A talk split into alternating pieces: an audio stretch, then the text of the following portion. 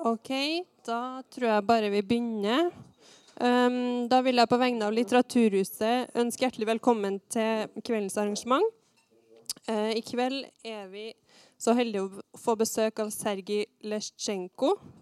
Uh, han er en ukrainsk parlamentariker, blogger, pressefrihetsaktivist og tidligere gravejournalist.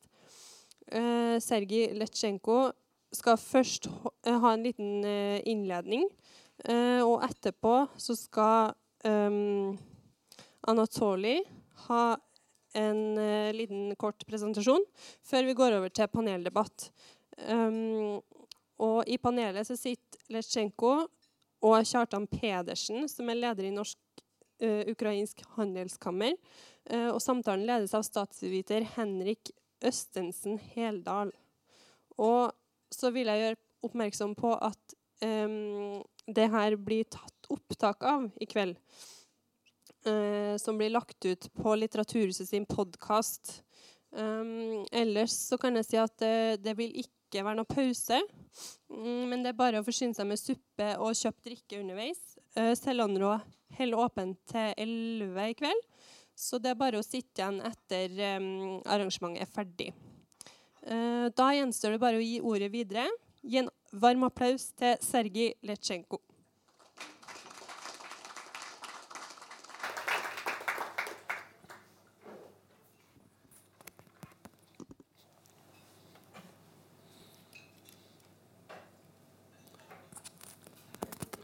It works. Finally, I understand. Good evening, everybody. Thank you for this introduction remarks. I have no clue what you said, but I hope it was complimentary, but doesn't matter. Everything you're saying, it's necessary to be said. It's the first time for me to be in Trondheim, but I've been before many times in Norway. I used to be journalist making anti-corruption investigation in one of the leading online newspaper in Ukraine called Ukrainska Pravda and I was awarded by Norwegian Free Thought Foundation five years ago.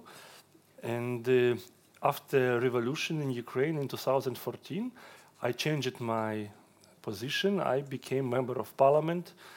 But at the same time, I continue to be very active online, on TV, in print media. So let's say I'm trying to combine to be politician of um, modern uh, world being member of legislative body, at the same time being very productive producing online products, TV products, and so on. I'm presenter in Ukraine of one TV show, and uh, I have also video blogs on TV channel. And uh, this year, in March, we published this book, which is here in Trondheim on presentation tonight. It is about Ukraine, but at the same time, I believe it's very typical for transitional countries, post-Soviet countries, how politics look like, how corruption exists, and how good, motivated young people, journalists, anti-corruption activists, and, uh, law enforcement agencies trying to beat corruption, to make our country, Ukraine, more successful, more transparent, more fair, and uh, this book was published together with the Pax Publishing House uh, with the support of Free Thought Foundation.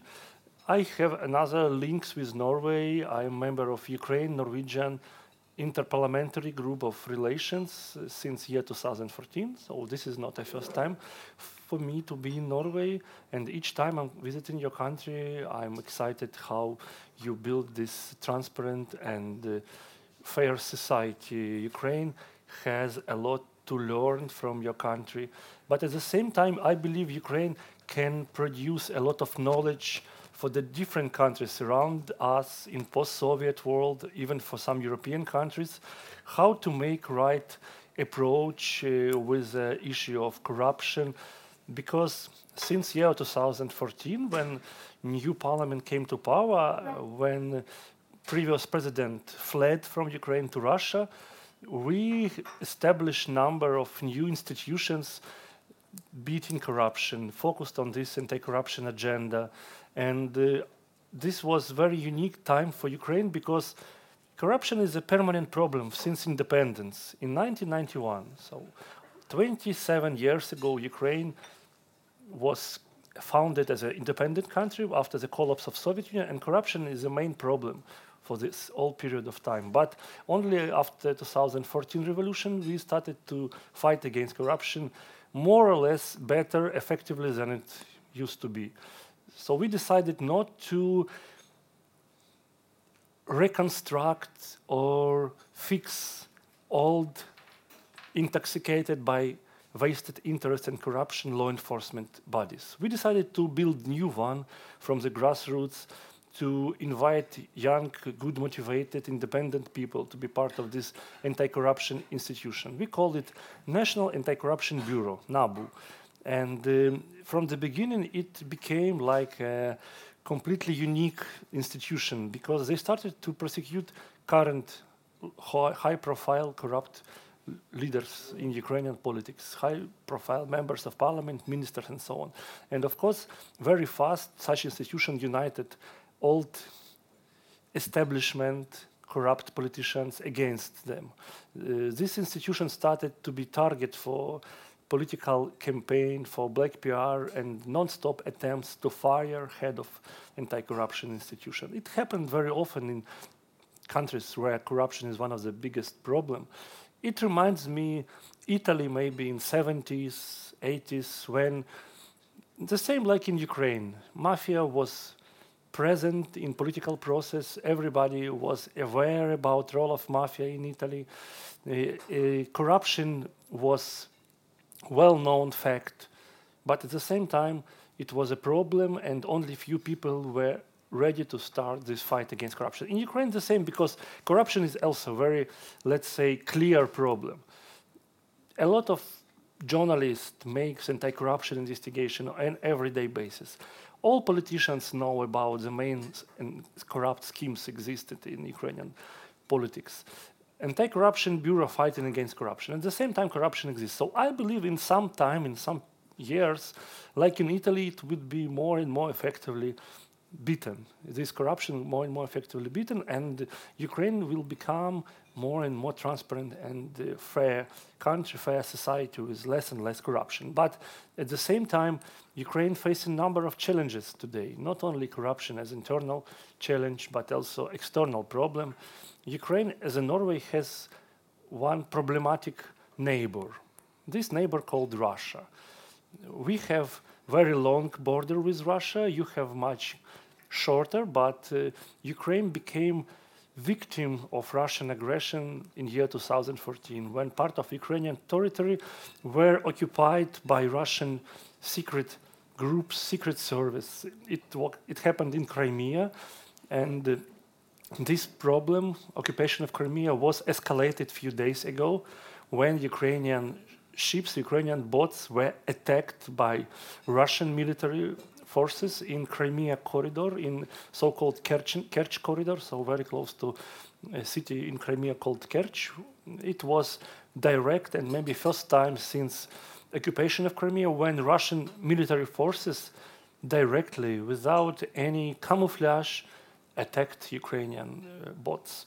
And uh, it escalated situation and uh, Ukrainian National Security Council proposed to adopt martial law. We had parliamentary sitting on Monday, two days ago, and this legislation was adopted, but with a number of very important amendments. So Ukrainian parliament did not vote for the first version of the law when martial status was proposed to be for two months for the whole territory of the country and uh, for blocking parliamentary and presidential elections. So martial law in the first version was really dangerous and uh, threatful for Ukrainian democracy. As the institution uh, which represents Ukrainian people, Ukrainian parliament did not agree to vote for such law and uh, under the pressure of parliament, legislation was changed, let's say president changed his executive act, and only after this parliament voted for the new law. So we have this special status only for one month, not for two months. It cannot be prolonged without permission of parliament. This status is not for the whole country, but only for few regions, neighbor of Russia. And um, it ha will have no influence on electoral campaign, which gonna start in the end of next month, 31st of December next month is the beginning of electoral campaign to have the presidential election in the end of March. So uh, we adopt the law, which is much more, let's say, transparent and with much less risk for Ukrainian democracy and properly working institutions. At the same time, this legislation, as well as uh, the whole situation in Kerchensky corridor, it is another reason for international community to understand that Ukrainian territory is a target, is a victim of Russian aggression, Russian occupation. This is another reason for international community, for Europeans to understand that war is a reality. It's not far away from Oslo. It's not far away from Trondheim. So from Trondheim to Kiev, only two hours and a half of flight. And it's also territory of Europe. And Ukraine is a victim of this aggression, which is going on for almost five years. And Ukrainian troops, they are protecting European institutions, European community, European values from brutal Russian aggression. And uh, this situation in Crimea happened a few days ago. This is another reason for us to scream for support, for help, to ask international community, Europeans, Norwegians, Americans to stand for Ukraine, to support Ukrainian democracy, because it is also in your interest, in the interest of Europeans, because protection Europe is protection your values, our values, common values. It is protection of Europe as a project. And of course, idea of Mr. Putin is not just to restore Soviet Union, as Mr. Putin said in the year eh, 2005 in his famous address to Russian parliament, when he called collapse of Soviet Union the biggest geopolitical drama of 20th century. No, the idea of Putin is not just to restore uh, areas of geopolitical, geopolitical interest or restoring Soviet Union. His idea is to destroy Europe as a project, Europe as a dream. And he is doing this on Ukrainian borders. And believe me, if Ukraine one day give up with this war, he will go further and he will challenge another countries because his goal, I, I repeat, is not just our country. His goal is much wider. In this sense, I believe Ukraine is a country which cannot, I cannot say that it is successfully reformed country. Of course, we have many examples of uh, bad solutions, many unsuccessful reform. But at the same time, I'm very critical about reforming process when I'm present in Ukraine on parliamentary stage, on TV. But at the same time, I want to say that Ukraine is going toward right goals. Ukraine is going toward European values. Ukraine is trying to build society of transparency and fair relations, transparency of solidarity. Ukraine is trying to engage more and more young people into the politics. And uh, on this way, we need your support as Europeans. And uh, everything done by Norway during last four and a half years was very much appreciated by Ukrainians. Norwegian taxpayers supported some programs for de-escalation on the uh, ceasefire lines, for support people living on uh, uh, preoccupied territories, and so on and so forth. In, in this sense, as a member of parliament, I also was few times visiting parliament of uh, Norway, Storting. Uh, I met with your speaker, former speaker, Mr. Olemic Thomas, a number of times. And each time I say the warmest word for Norway in this situation.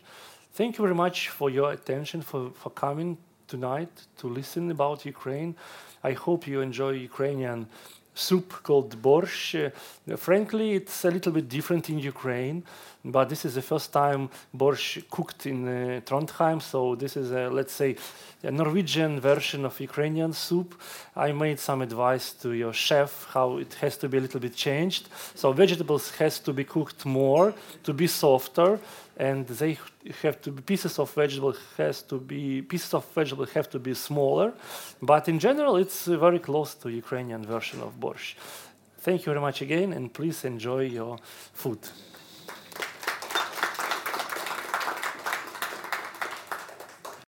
Some we, we, there were some technical issues, and uh, in such situations in Ukraine, we just blame on Russians. Uh, they were involved in this. Um, thank you for inviting uh, us uh, from the Norwegian Ukrainian Chamber of Commerce to Trondheim. It's especially a great pleasure for me being in Trondheim. Uh, my Norwegian wife, she's uh, from uh, Malm, a small village near Steinkjer and uh, I've been celebrating Christmas already for six years, uh, six last years in uh, Malm, so it feels almost like coming home when I come to Værnes. Uh, so it's great uh, being back in uh, Trøndelag.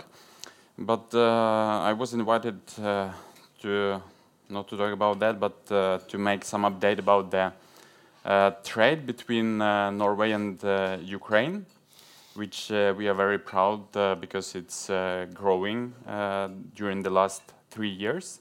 But before I start going into the numbers, I would like to mention that the Norwegian Ukrainian Chamber of Commerce is a member organization which was founded 10 years ago by eight Norwegian companies who were who wanted to create a forum to meet with other Norwegian companies who were engaged in Ukraine at that time. Uh, now, 10 years later, we have uh, almost 100 members, and uh, we have great commitment and drive to increase cooperation and trade between our two countries. Thanks to the contributions from members, board members, and especially thanks to the project funding from the Norwegian Ministry of Foreign Affairs, we've been able to increase our activity level during the last three years, and we are able to support our members and put together new Norwegian companies with uh, good Ukrainian partners. We also host uh, networking meetings in both countries, delegation and study tours, and help to organize larger business uh, forum with high political visits. As such, one is going to take place in Oslo in January 28th, when Ukrainian Prime Minister Volodymyr Groysman coming to Norway. So you are also, of course, if you are interested, uh, welcome to, to register and participate. Uh, we, we work hard to bring businesses together for better future through uh, promoting good corporate governance and business development. Since 2015, we have recorded a very positive tendency in uh, trade. Um, if you could have the picture, I would uh, show you that it was like really 80% increase, uh, but then it's from a very low point in 2014 due to the circumstances that we all know about. Uh, seafood has been by far the largest contributor, uh, the largest component in the trade between our two countries, and it was very much felt when the purchasing power of the Ukrainian consumer sank sharply in 2014.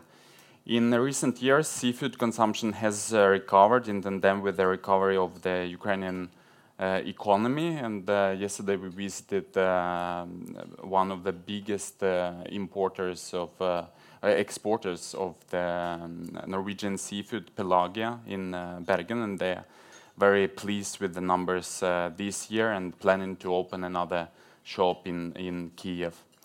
So Norwegian seafood has a very good brand in Ukraine and is by far the largest, the country's largest contributor uh, of seafood to Ukrainian consumers' dinner table. Uh, this year, the growth uh, is a little bit slower, but uh, still we have uh, one month uh, to go, and especially for the seafood, when the Ukrainians eat a lot of herring for Christmas, we expect some uh, growth there. But what should be mentioned is that Ukrainian export to Norway has shown very good generic growth with 18%. Uh, and there were growth in different products, uh, such as electrical machineries and application, some agriculture products, uh, light manufacturing. For instance, skis produced in Mukachevo for Fischer is single largest product exported from Ukraine to Norway. So when you see your sportsmen competing in the winter sports, we could be sure that Ukraine also contributed in some way, creating uh, good uh, skis.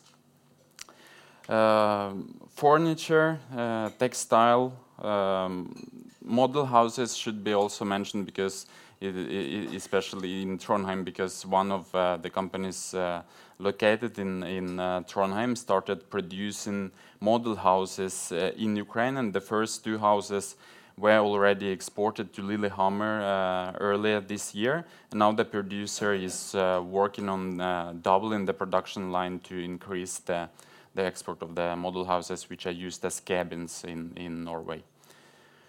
So we in Norwegian-Ukrainian Chamber of Commerce focus mostly on such sectors as seafood and agriculture, energy, IT, but we do also facilitate development in light manufacturing, Uh, construction industry, uh, infrastructure, and tourism.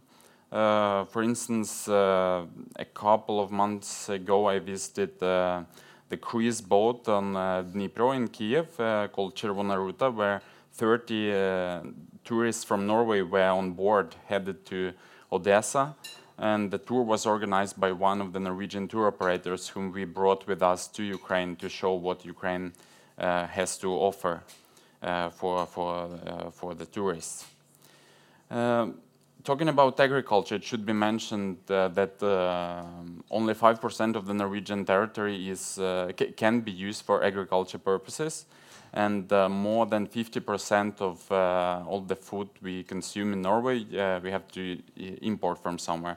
And there is no doubt that Ukraine can produce agriculture products at high quality and competitive price. There is great potential here to increase trade between uh, Ukraine and Norway, and during the last two years, we noticed more and more uh, Ukrainian products coming to uh, Norwegian market, such as grains and fruits, berries, vegetables, for instance, carrots, cucumbers, and salad. Eh, in the seafood, as I said, um, Norway is the largest eh, importer in Ukraine eh, so far. But it should be also mentioned that there is a clear link between Ukrainian agriculture and Norwegian aquaculture, because there is um, a need of fish feed for producing more fish in Norway. And here, Ukraine can uh, contribute with uh, some components, uh, and one company has already started producing some soya raw materials, which are exported and used here as fish feed. Another thing which can be also developed is um, reprocessing of seafood. When it comes, for instance, for pelagic arts, such as herring and mackerel, it's now done very much in Poland Uh, and Denmark. But uh, this is something that also can be done in Ukraine with more competitive prices. So uh, some companies are also looking for such opportunities. Uh, we in uh, in Norwegian-Ukrainian uh, Chamber of Commerce are encouraged to see all the reforms that Ukrainian energy market is going through and becoming more transparent, and therefore attractive for international and especially Norwegian companies to invest in, especially in the renewable sector. But we are also indeed glad to see the increase of Ukrainian gas production led by Uh, Naftogaz, uh, which creates room for Norwegian service companies to enter Ukrainian market with their technology. And uh, now there is an ongoing um, process in Ukraine to start the offshore production in the Black Sea near Romania, where Norwegian experience and technology can help Ukraine to develop offshore.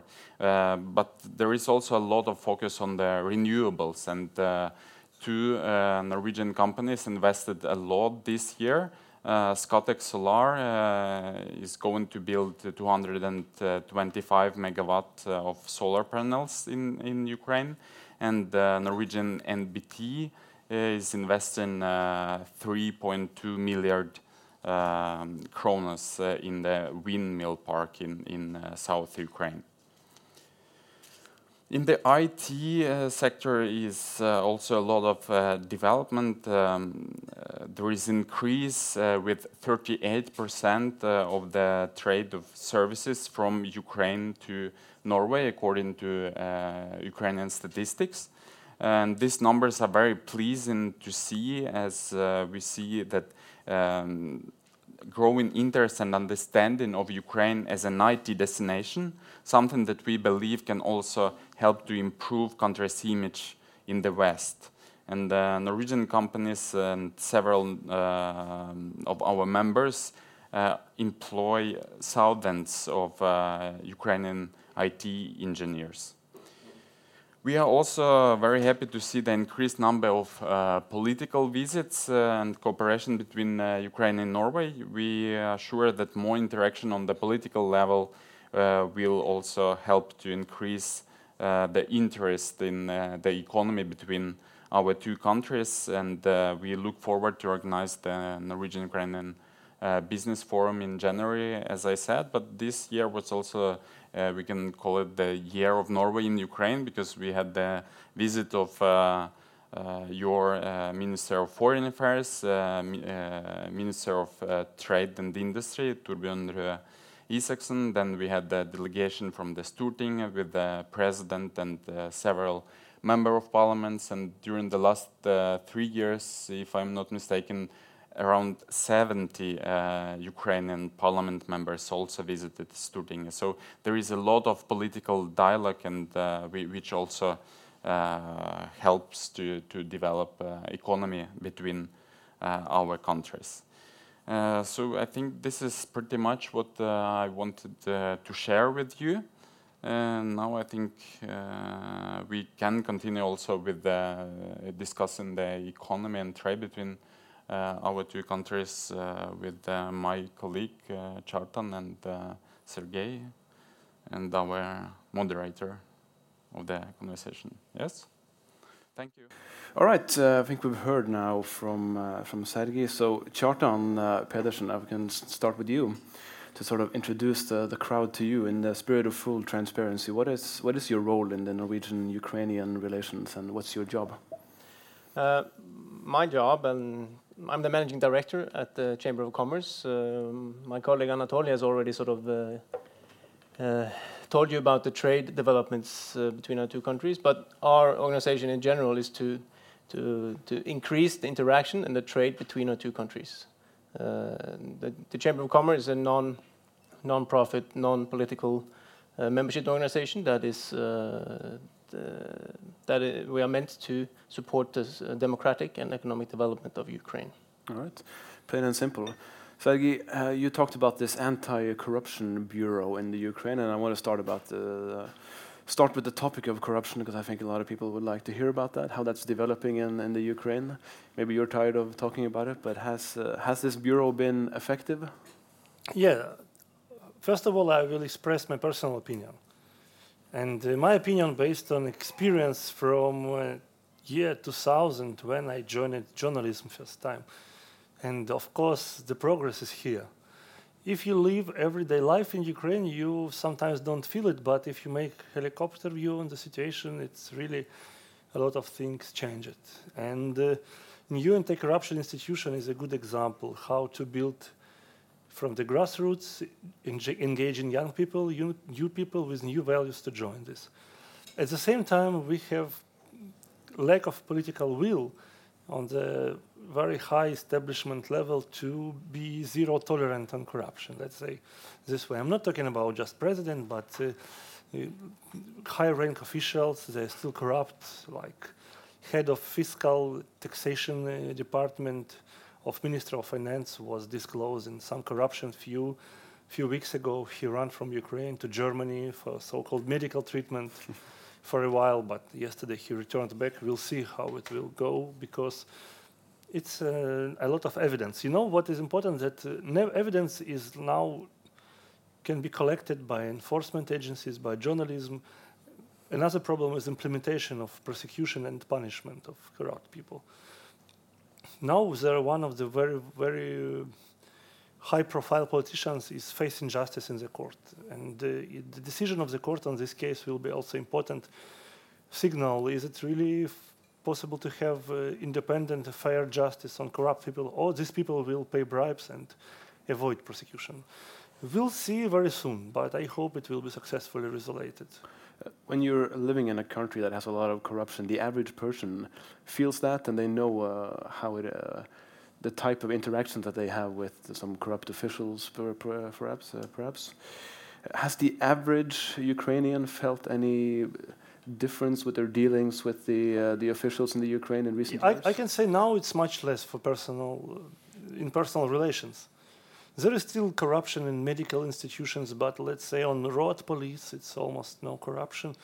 This is no corruption in the relations with public services when you are looking for like, okay, just, just simple example. I have my passport with me. This is Ukrainian uh, passport for traveling, and uh, like 10 years ago it was different. There were different corrupt schemes how to make it fast, how to uh, make uh, special documentation for uh, having this passport for traveling. Maybe not 10, but 15 years ago it was. Now you can just visit a special bureau, big open office, open space office for capacity, uh, 100 people at the same time applying for passports, no queue, no corruption. You just pay money by your card and have your passport in seven working days. So it's very fast. It's uh, transparent. 15 years ago, it was a different one. So I believe in low level, on level of uh, ordinary Ukrainians, there is much less corruption than it was before. But of course, there are still um, institutions and uh, uh, sphere of government interest where corruption still exists. Let's say corruption is a non-stop problem for the whole human being, for the, for the societies in different countries, even in very liberal and transparent countries, corruption still exists. And uh, Ukraine is, let's say, going toward right direction. But sometimes we can go much faster than we have speed now because of the lack of leadership in this process on the top level. Uh, Kjartan, when you're working with uh, the Chamber of Commerce for uh, Norway and Ukraine and our relations, uh, do you often face a stereotype in Norway about Ukrainian corruption? Yes, uh, we do. That's uh, when we approach Norwegian companies. It's the, the first two things that people ask is uh, corruption and security. Uh, and those are two very important aspects, and they need to be talked about. Uh, they are the elephants in the room, so to say. there are issues and challenges when it comes to corruption, but the same is also the case in many other countries, as well as Norway. Not, not no one is perfect. Um, Norway is much better. it's it is better, but uh, there is still also uh, corrupt schemes in all countries. Um, uh, but there are also tools to avoid getting uh, into corrupt schemes. and there are tools also to help you if you come into trouble. so, for instance, our Chamber of Commerce, we have um, produced a code of conduct that we also share with our members so as to help them to, uh, to have a, a, system to, to control how they uh, interact with companies in Ukraine, and also to think about uh, aspects such as arbitration in, for instance, in a third country uh, that could be useful. And there are also NABU is uh, sort of also organizations that are present, and also Business Ombudsman, which is also very helpful if something would come up. And that it's very important that Norwegian and Western companies have a zero tolerance for corruption. Uh, because if you start uh, to pay, then it's, it's impossible to stop. uh, so uh, it's very important. And it's also sort of a, you could say it's a, a positive thing is that the Ukrainian economy is, is forced to now uh, interact with the European economy. And in order to trade with Europe, uh, you have to harmonize into EU laws and EU regulations. Uh, and if you want to do good business, then you have to professionalize. And this is something that is very good for the Ukrainian economy as such. Uh, and for Norwegian companies, uh, there has to be a there there, there is a, a, zero tolerance for, for corruption. Sergey, how has this worked in, in, recent years? Are you less dependent now on on Russia, and are how is Ukraine working to involve itself more with the West with Western Europe? Of course, after the war started on uh, eastern part of Ukraine, it is less political. It's almost no political influence of Russia on the Ukrainian economy. Let's say before Russian gas was a political tool to keep uh, Ukraine under the control, to keep Ukraine in the sphere of geopolitical interest of Russia, when Russian gas was used as a weapon to blackmail, at the same time it was used as a currency for corrupt inter-country relations between oligarchs and so on. Now there is no corruption on this basis because we don't buy Russian gas at all. All gas Ukraine acquired is gas from Europe, from Euro European traders. Sometimes we don't know the nature of this gas, but we have no contract with Gazprom now. And uh, Norway was the first country started to provide Ukraine natural gas in 2014 from Europe. Your company Statoil was very, very, very first one in the beginning of this process, and we always remember this and very much appreciate that you supported us in this difficult period. But uh, about about uh, another areas of uh, relations, I, I can say that Russian influence in business still present, but in politics, Russia understands that this role is very limited, and they want to break this status quo to come back into previous experience when they had this political influence. And they started to support number of political forces in Ukraine who gonna run for next elections for president and for parliament. So in this sense, Russia feels that they need to be present in Ukrainian political pretext and they want to have such candidates and maybe then members of parliament. Uh, Putin has said that uh, uh, Russia will continue to transport gas still through the Ukraine, even though if you're not uh, buying anything, I don't know about that, but uh, you can uh, tell us more about that. But the Russians will keep doing this as long as it's economically feasible for them. Is that putting some sort of strain on on the Ukraine, or any expectations to fulfill some Russian obligations? No, Ukraine really important country between Europe and uh, Russia to deliver natural gas, and uh, we are very much dependent on the future development with Nord Stream 2. So if Nord Stream 2 gonna be constructed, it will have incredible influence on Ukrainian economy because we will lose a big number of uh, uh, income for state company in, uh, responsible for transit of natural gas. At the same time, uh, Ukraine ready to buy Russian gas after Russia pay 2.5 billion dollars they obligated to pay by Stockholm uh, arbitrage by decision of this court in the beginning of this year. But Russia is not ready to pay, and that is why Ukraine started some um, process abroad in Europe to arrest property of Gazprom, to push Gazprom pay for this bill because it's a decision of the court. And in general, uh, I, I believe um, we have to have normal, regular, and uh, health relations in sense of economic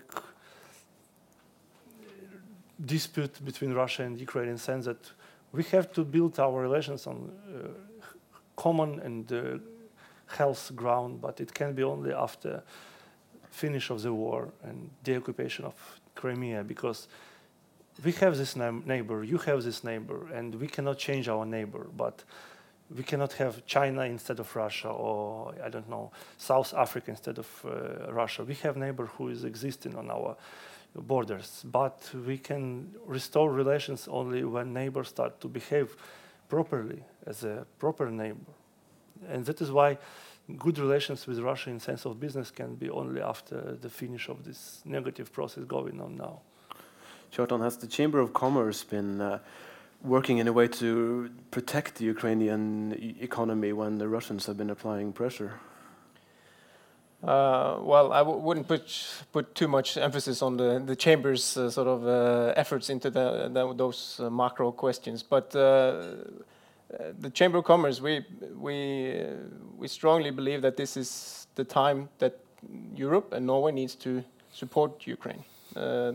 There is no alternative, and there are economic reasons uh, to go to Ukraine now. To, to there are it's a land of opportunities, and it, it's still it's the it's the biggest country in Europe if you don't count um, the western part of Russia. It has 42 million inhabitants and has 30% of the the, the black um, earth, uh, the most productive earth, uh, and it has huge potential.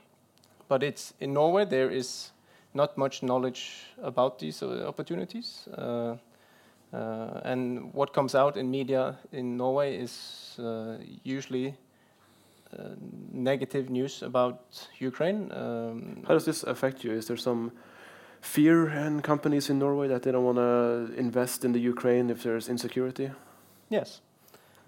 The, all, all companies, they are fearful for uh, insecurities. Um, um, and there are, but there are big companies who have been in, U Ukraine for many years, and they have several thousand people employed, uh, and they are very happy with uh, the engagement they have in Ukraine. But of course, uh, insecurity is, is, is uh, very important, and is something that uh, the stability of Ukraine is very important for the further de de economic development and the incentives to invest in Ukraine.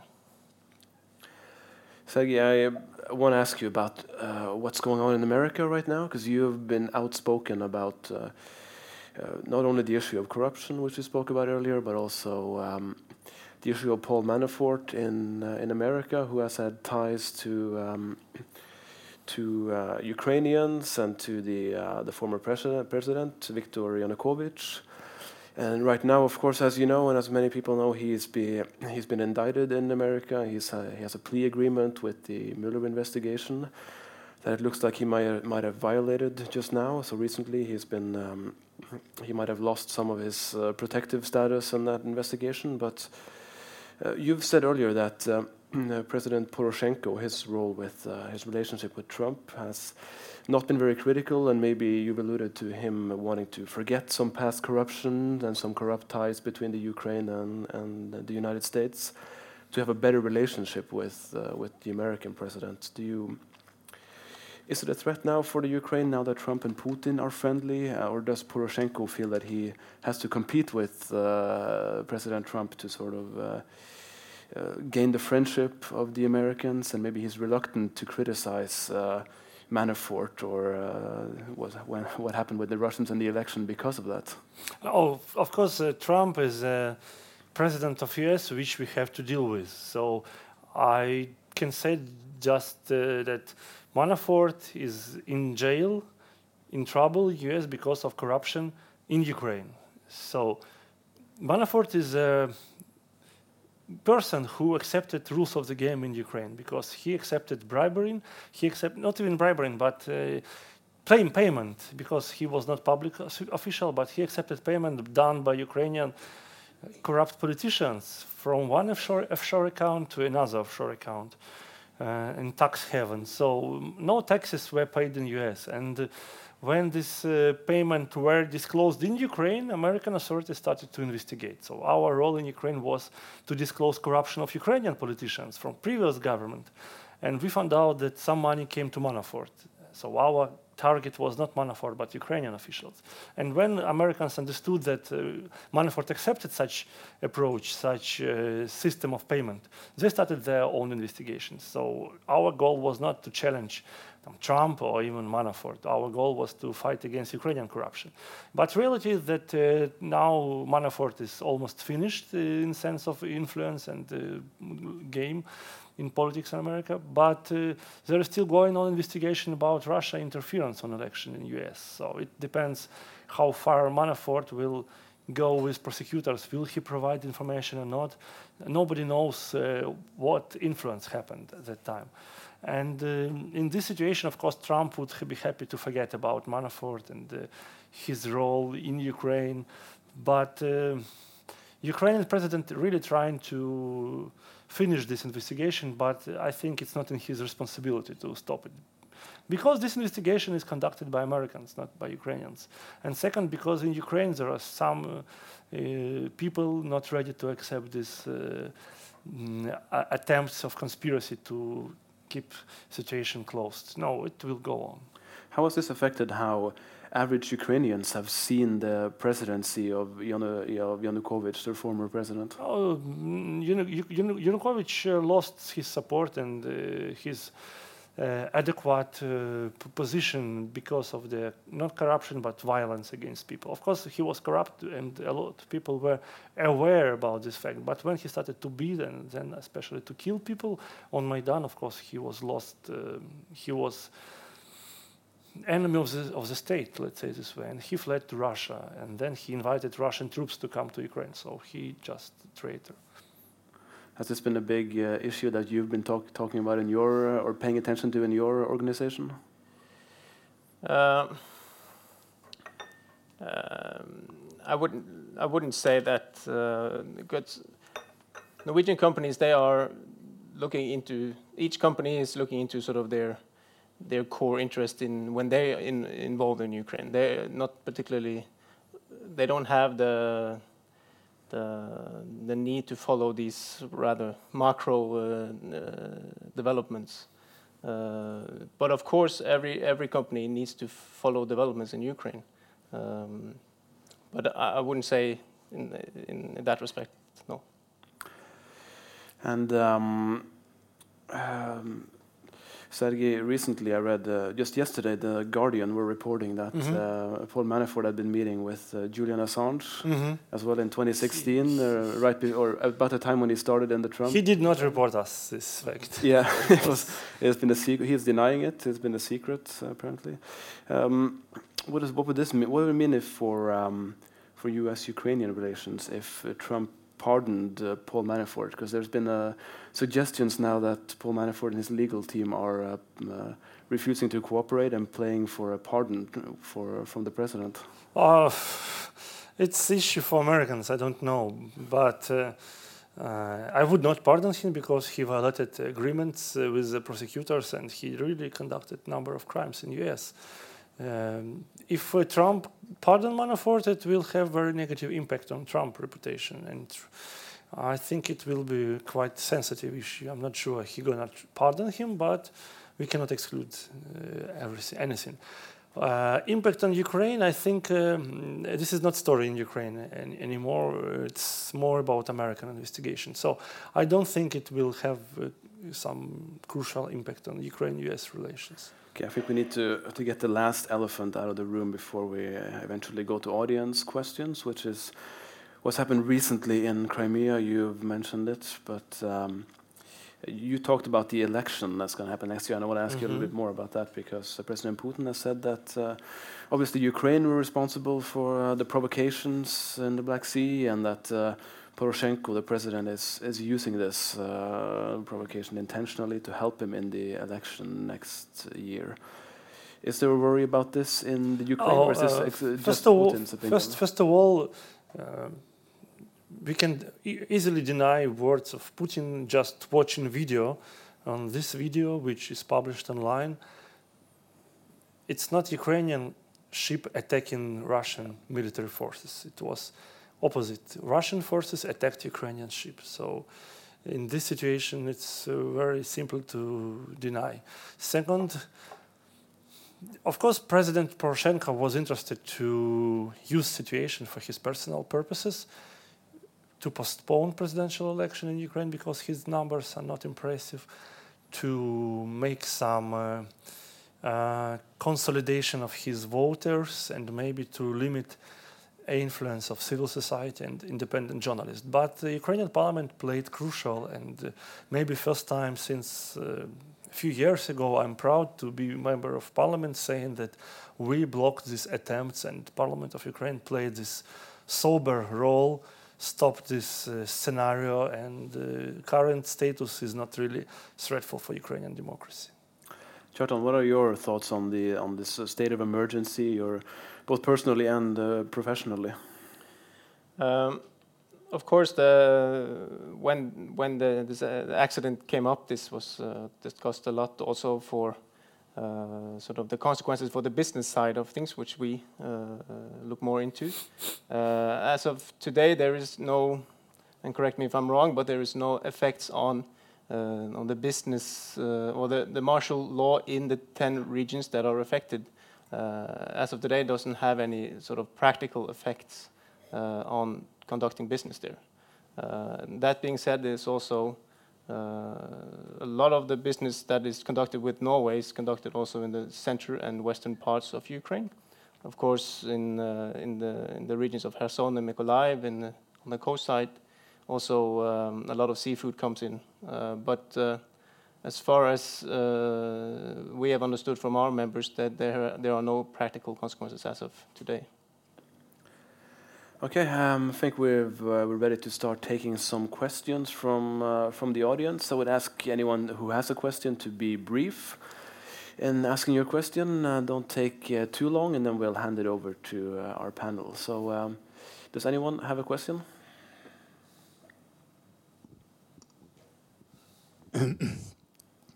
I'm uh, not too much knowledgeable about Ukraine.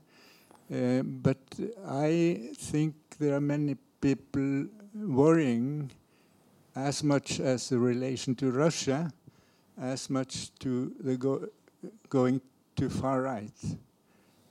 Um, that Ukraine uh, is balancing between um, a, a, fight towards uh, uh, the eastern neighbor and internal becoming too uh, ultra-right. That there might be some similarities to Hungary, which has been thrown between the one and the other side, and not finding the middle. I, I, can say that it's more media stereotype because in Ukrainian parliament there is no nationalist party at all.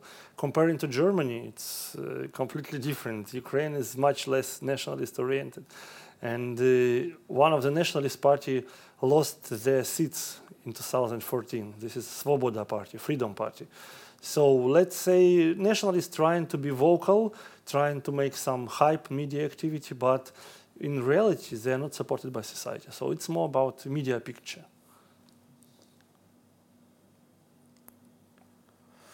All right. Uh, anyone else out there who has a question?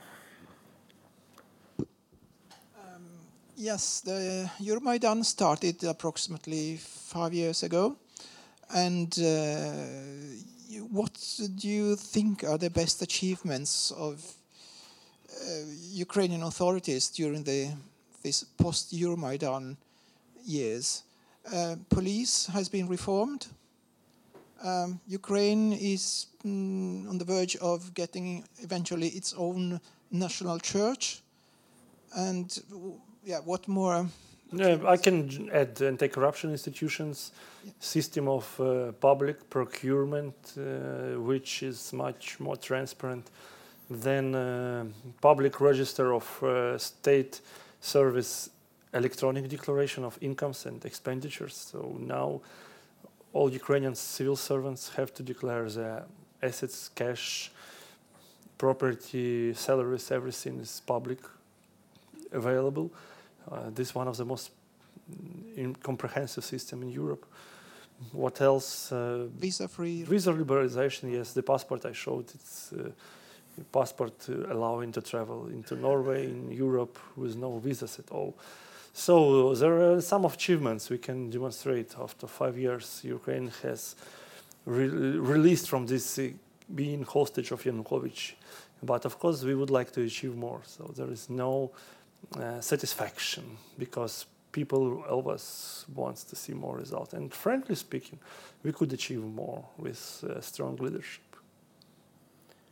can also just add there that, for instance, in the World Bank's um, uh, um, ranking of doing business, Ukraine has actually increased 81 spots in the last, I think it's five, six years, which is quite impressive. Uh, and they're now on 71st spot, so there's still room for improvement, uh, but it's quite an impressive uh, did to do in just a few years, and also in that complicated situation that it is in conducting, uh, having the conflict on in, on the east, and also reforming and trying to integrate with Europe. That's not an easy task. All right. Anyone else out there who has a question? Go ahead.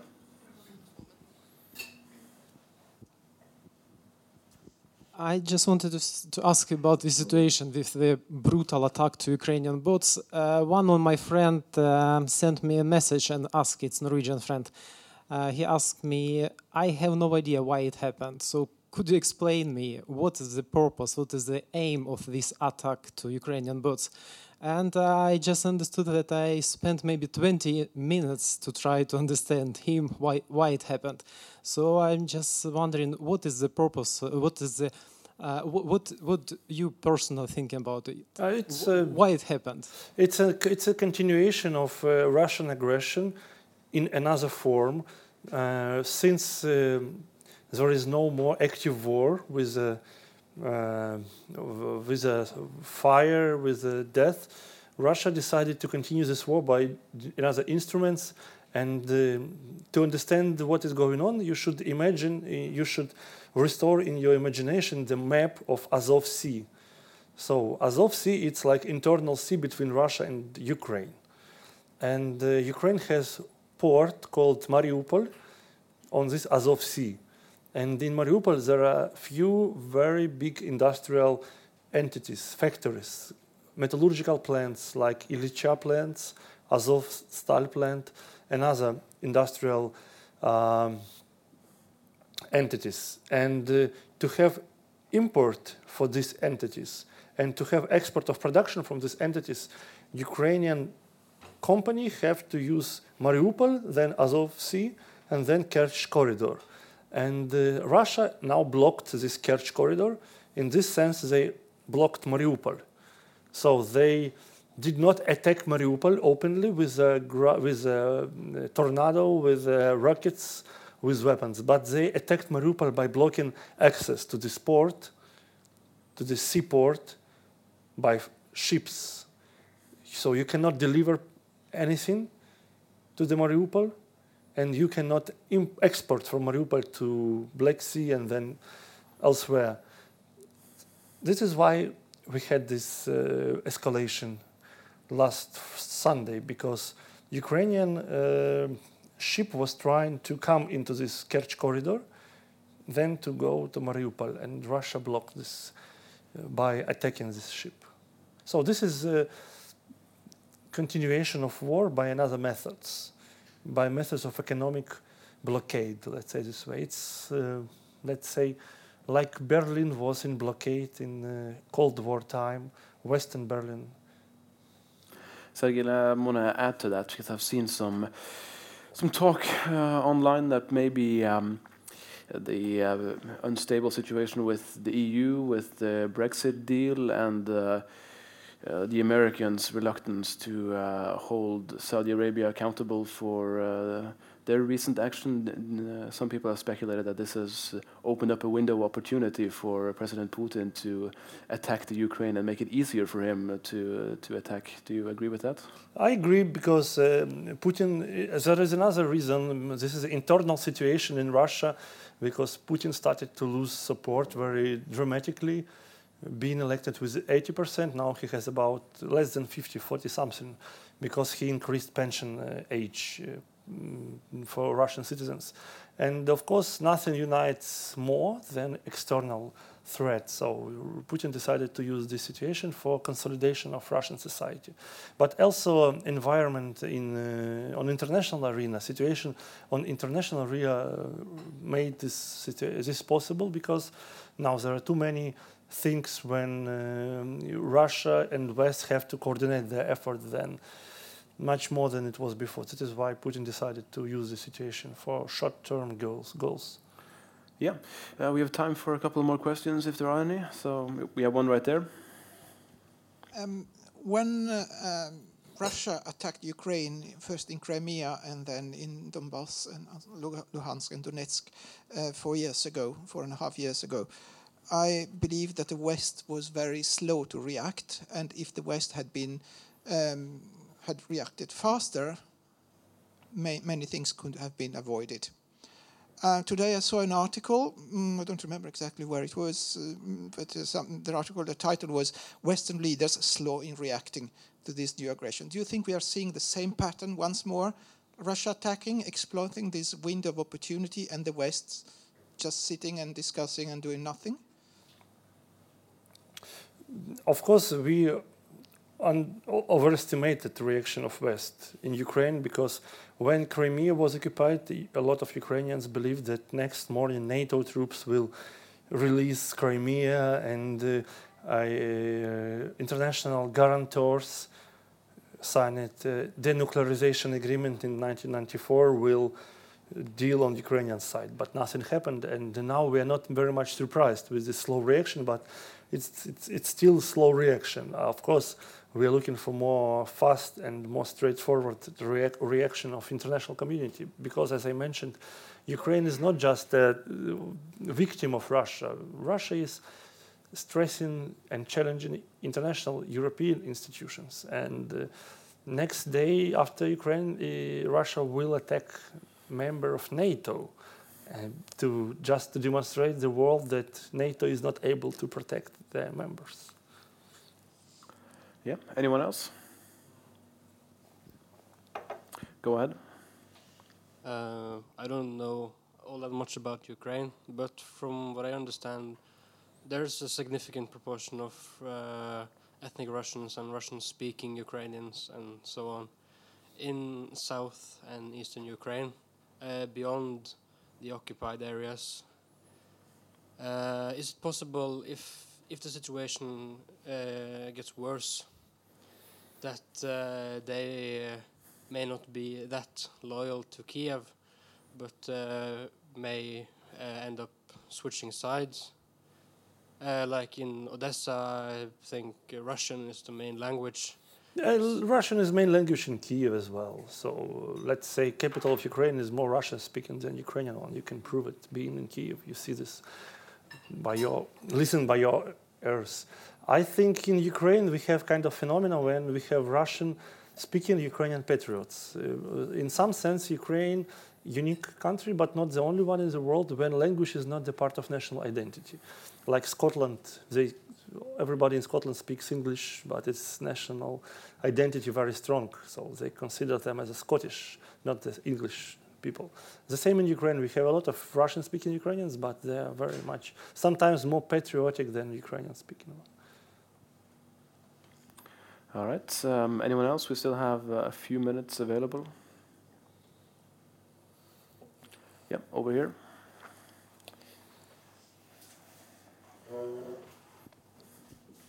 Uh, one of your local Black Sea neighbors, uh, Georgia, is in a similar situation. How do you cooperate with them uh, regarding corruption and uh, democracy? Ah, we have a big number of uh, experts came from Georgia to Ukraine to re- reform our institutions. Some, in some moment, we had maybe half of government uh, packed by Georgians, like starting from Saakashvili working as a governor of Odessa region, up to the minister of healthcare, uh, deputy minister of internal affairs, head of national police. As for today, we have only one Georgian continue working for Ukraine. This is the first deputy of National Anti-Corruption Bureau, Gizo Uglava. And um, I can say that this uh, export of export of experts, it was important and uh, really impressive. So we achieved some reforms with this Georgian support because they had experience. They shared this experience with Ukraine. Now Georgia is facing uh, its own challenges with election, and we keep fingers crossed for successful uh, reform in Georgia. But uh, as for today, I can say there is very limited uh, chance that more Georgians will come to join Ukrainian government, as it comparing to previous experience, almost nothing. Maybe I can have a question for you, Sergio. Yeah, please. Uh, Just looking into the future, when you mentioned Georgia, Georgia also has the occupied territories of Abkhazia and South Ossetia, and Moldova has uh, in Transnistria uh, frozen conflicts that uh, that Russia has uh, played into, and Mhm. such in a way then effectively stopped integration, further integration into uh, EU or NATO. Uh, is that uh, something you see in the in the limelight far ahead? Frozen conflicts that uh, with Russia, so that they have sort of a, a open wound. I, I, I, think almost all members of Russia have such problems. Not only Georgia, Moldova, but also Japan, islands. This is uh, another example that uh, Russia has this, I think, unique, not unique, but uh, unified, unified approach to keep some territory as a hostage of the neighbors mm. to trade with this either to manipulate with uh, situation inside the country to block uh, decision inside the country or just to negotiate like with japan? Because they cannot influence on japan internally but it's a big topic for their uh, negotiation. Mm. and they can trade this topic.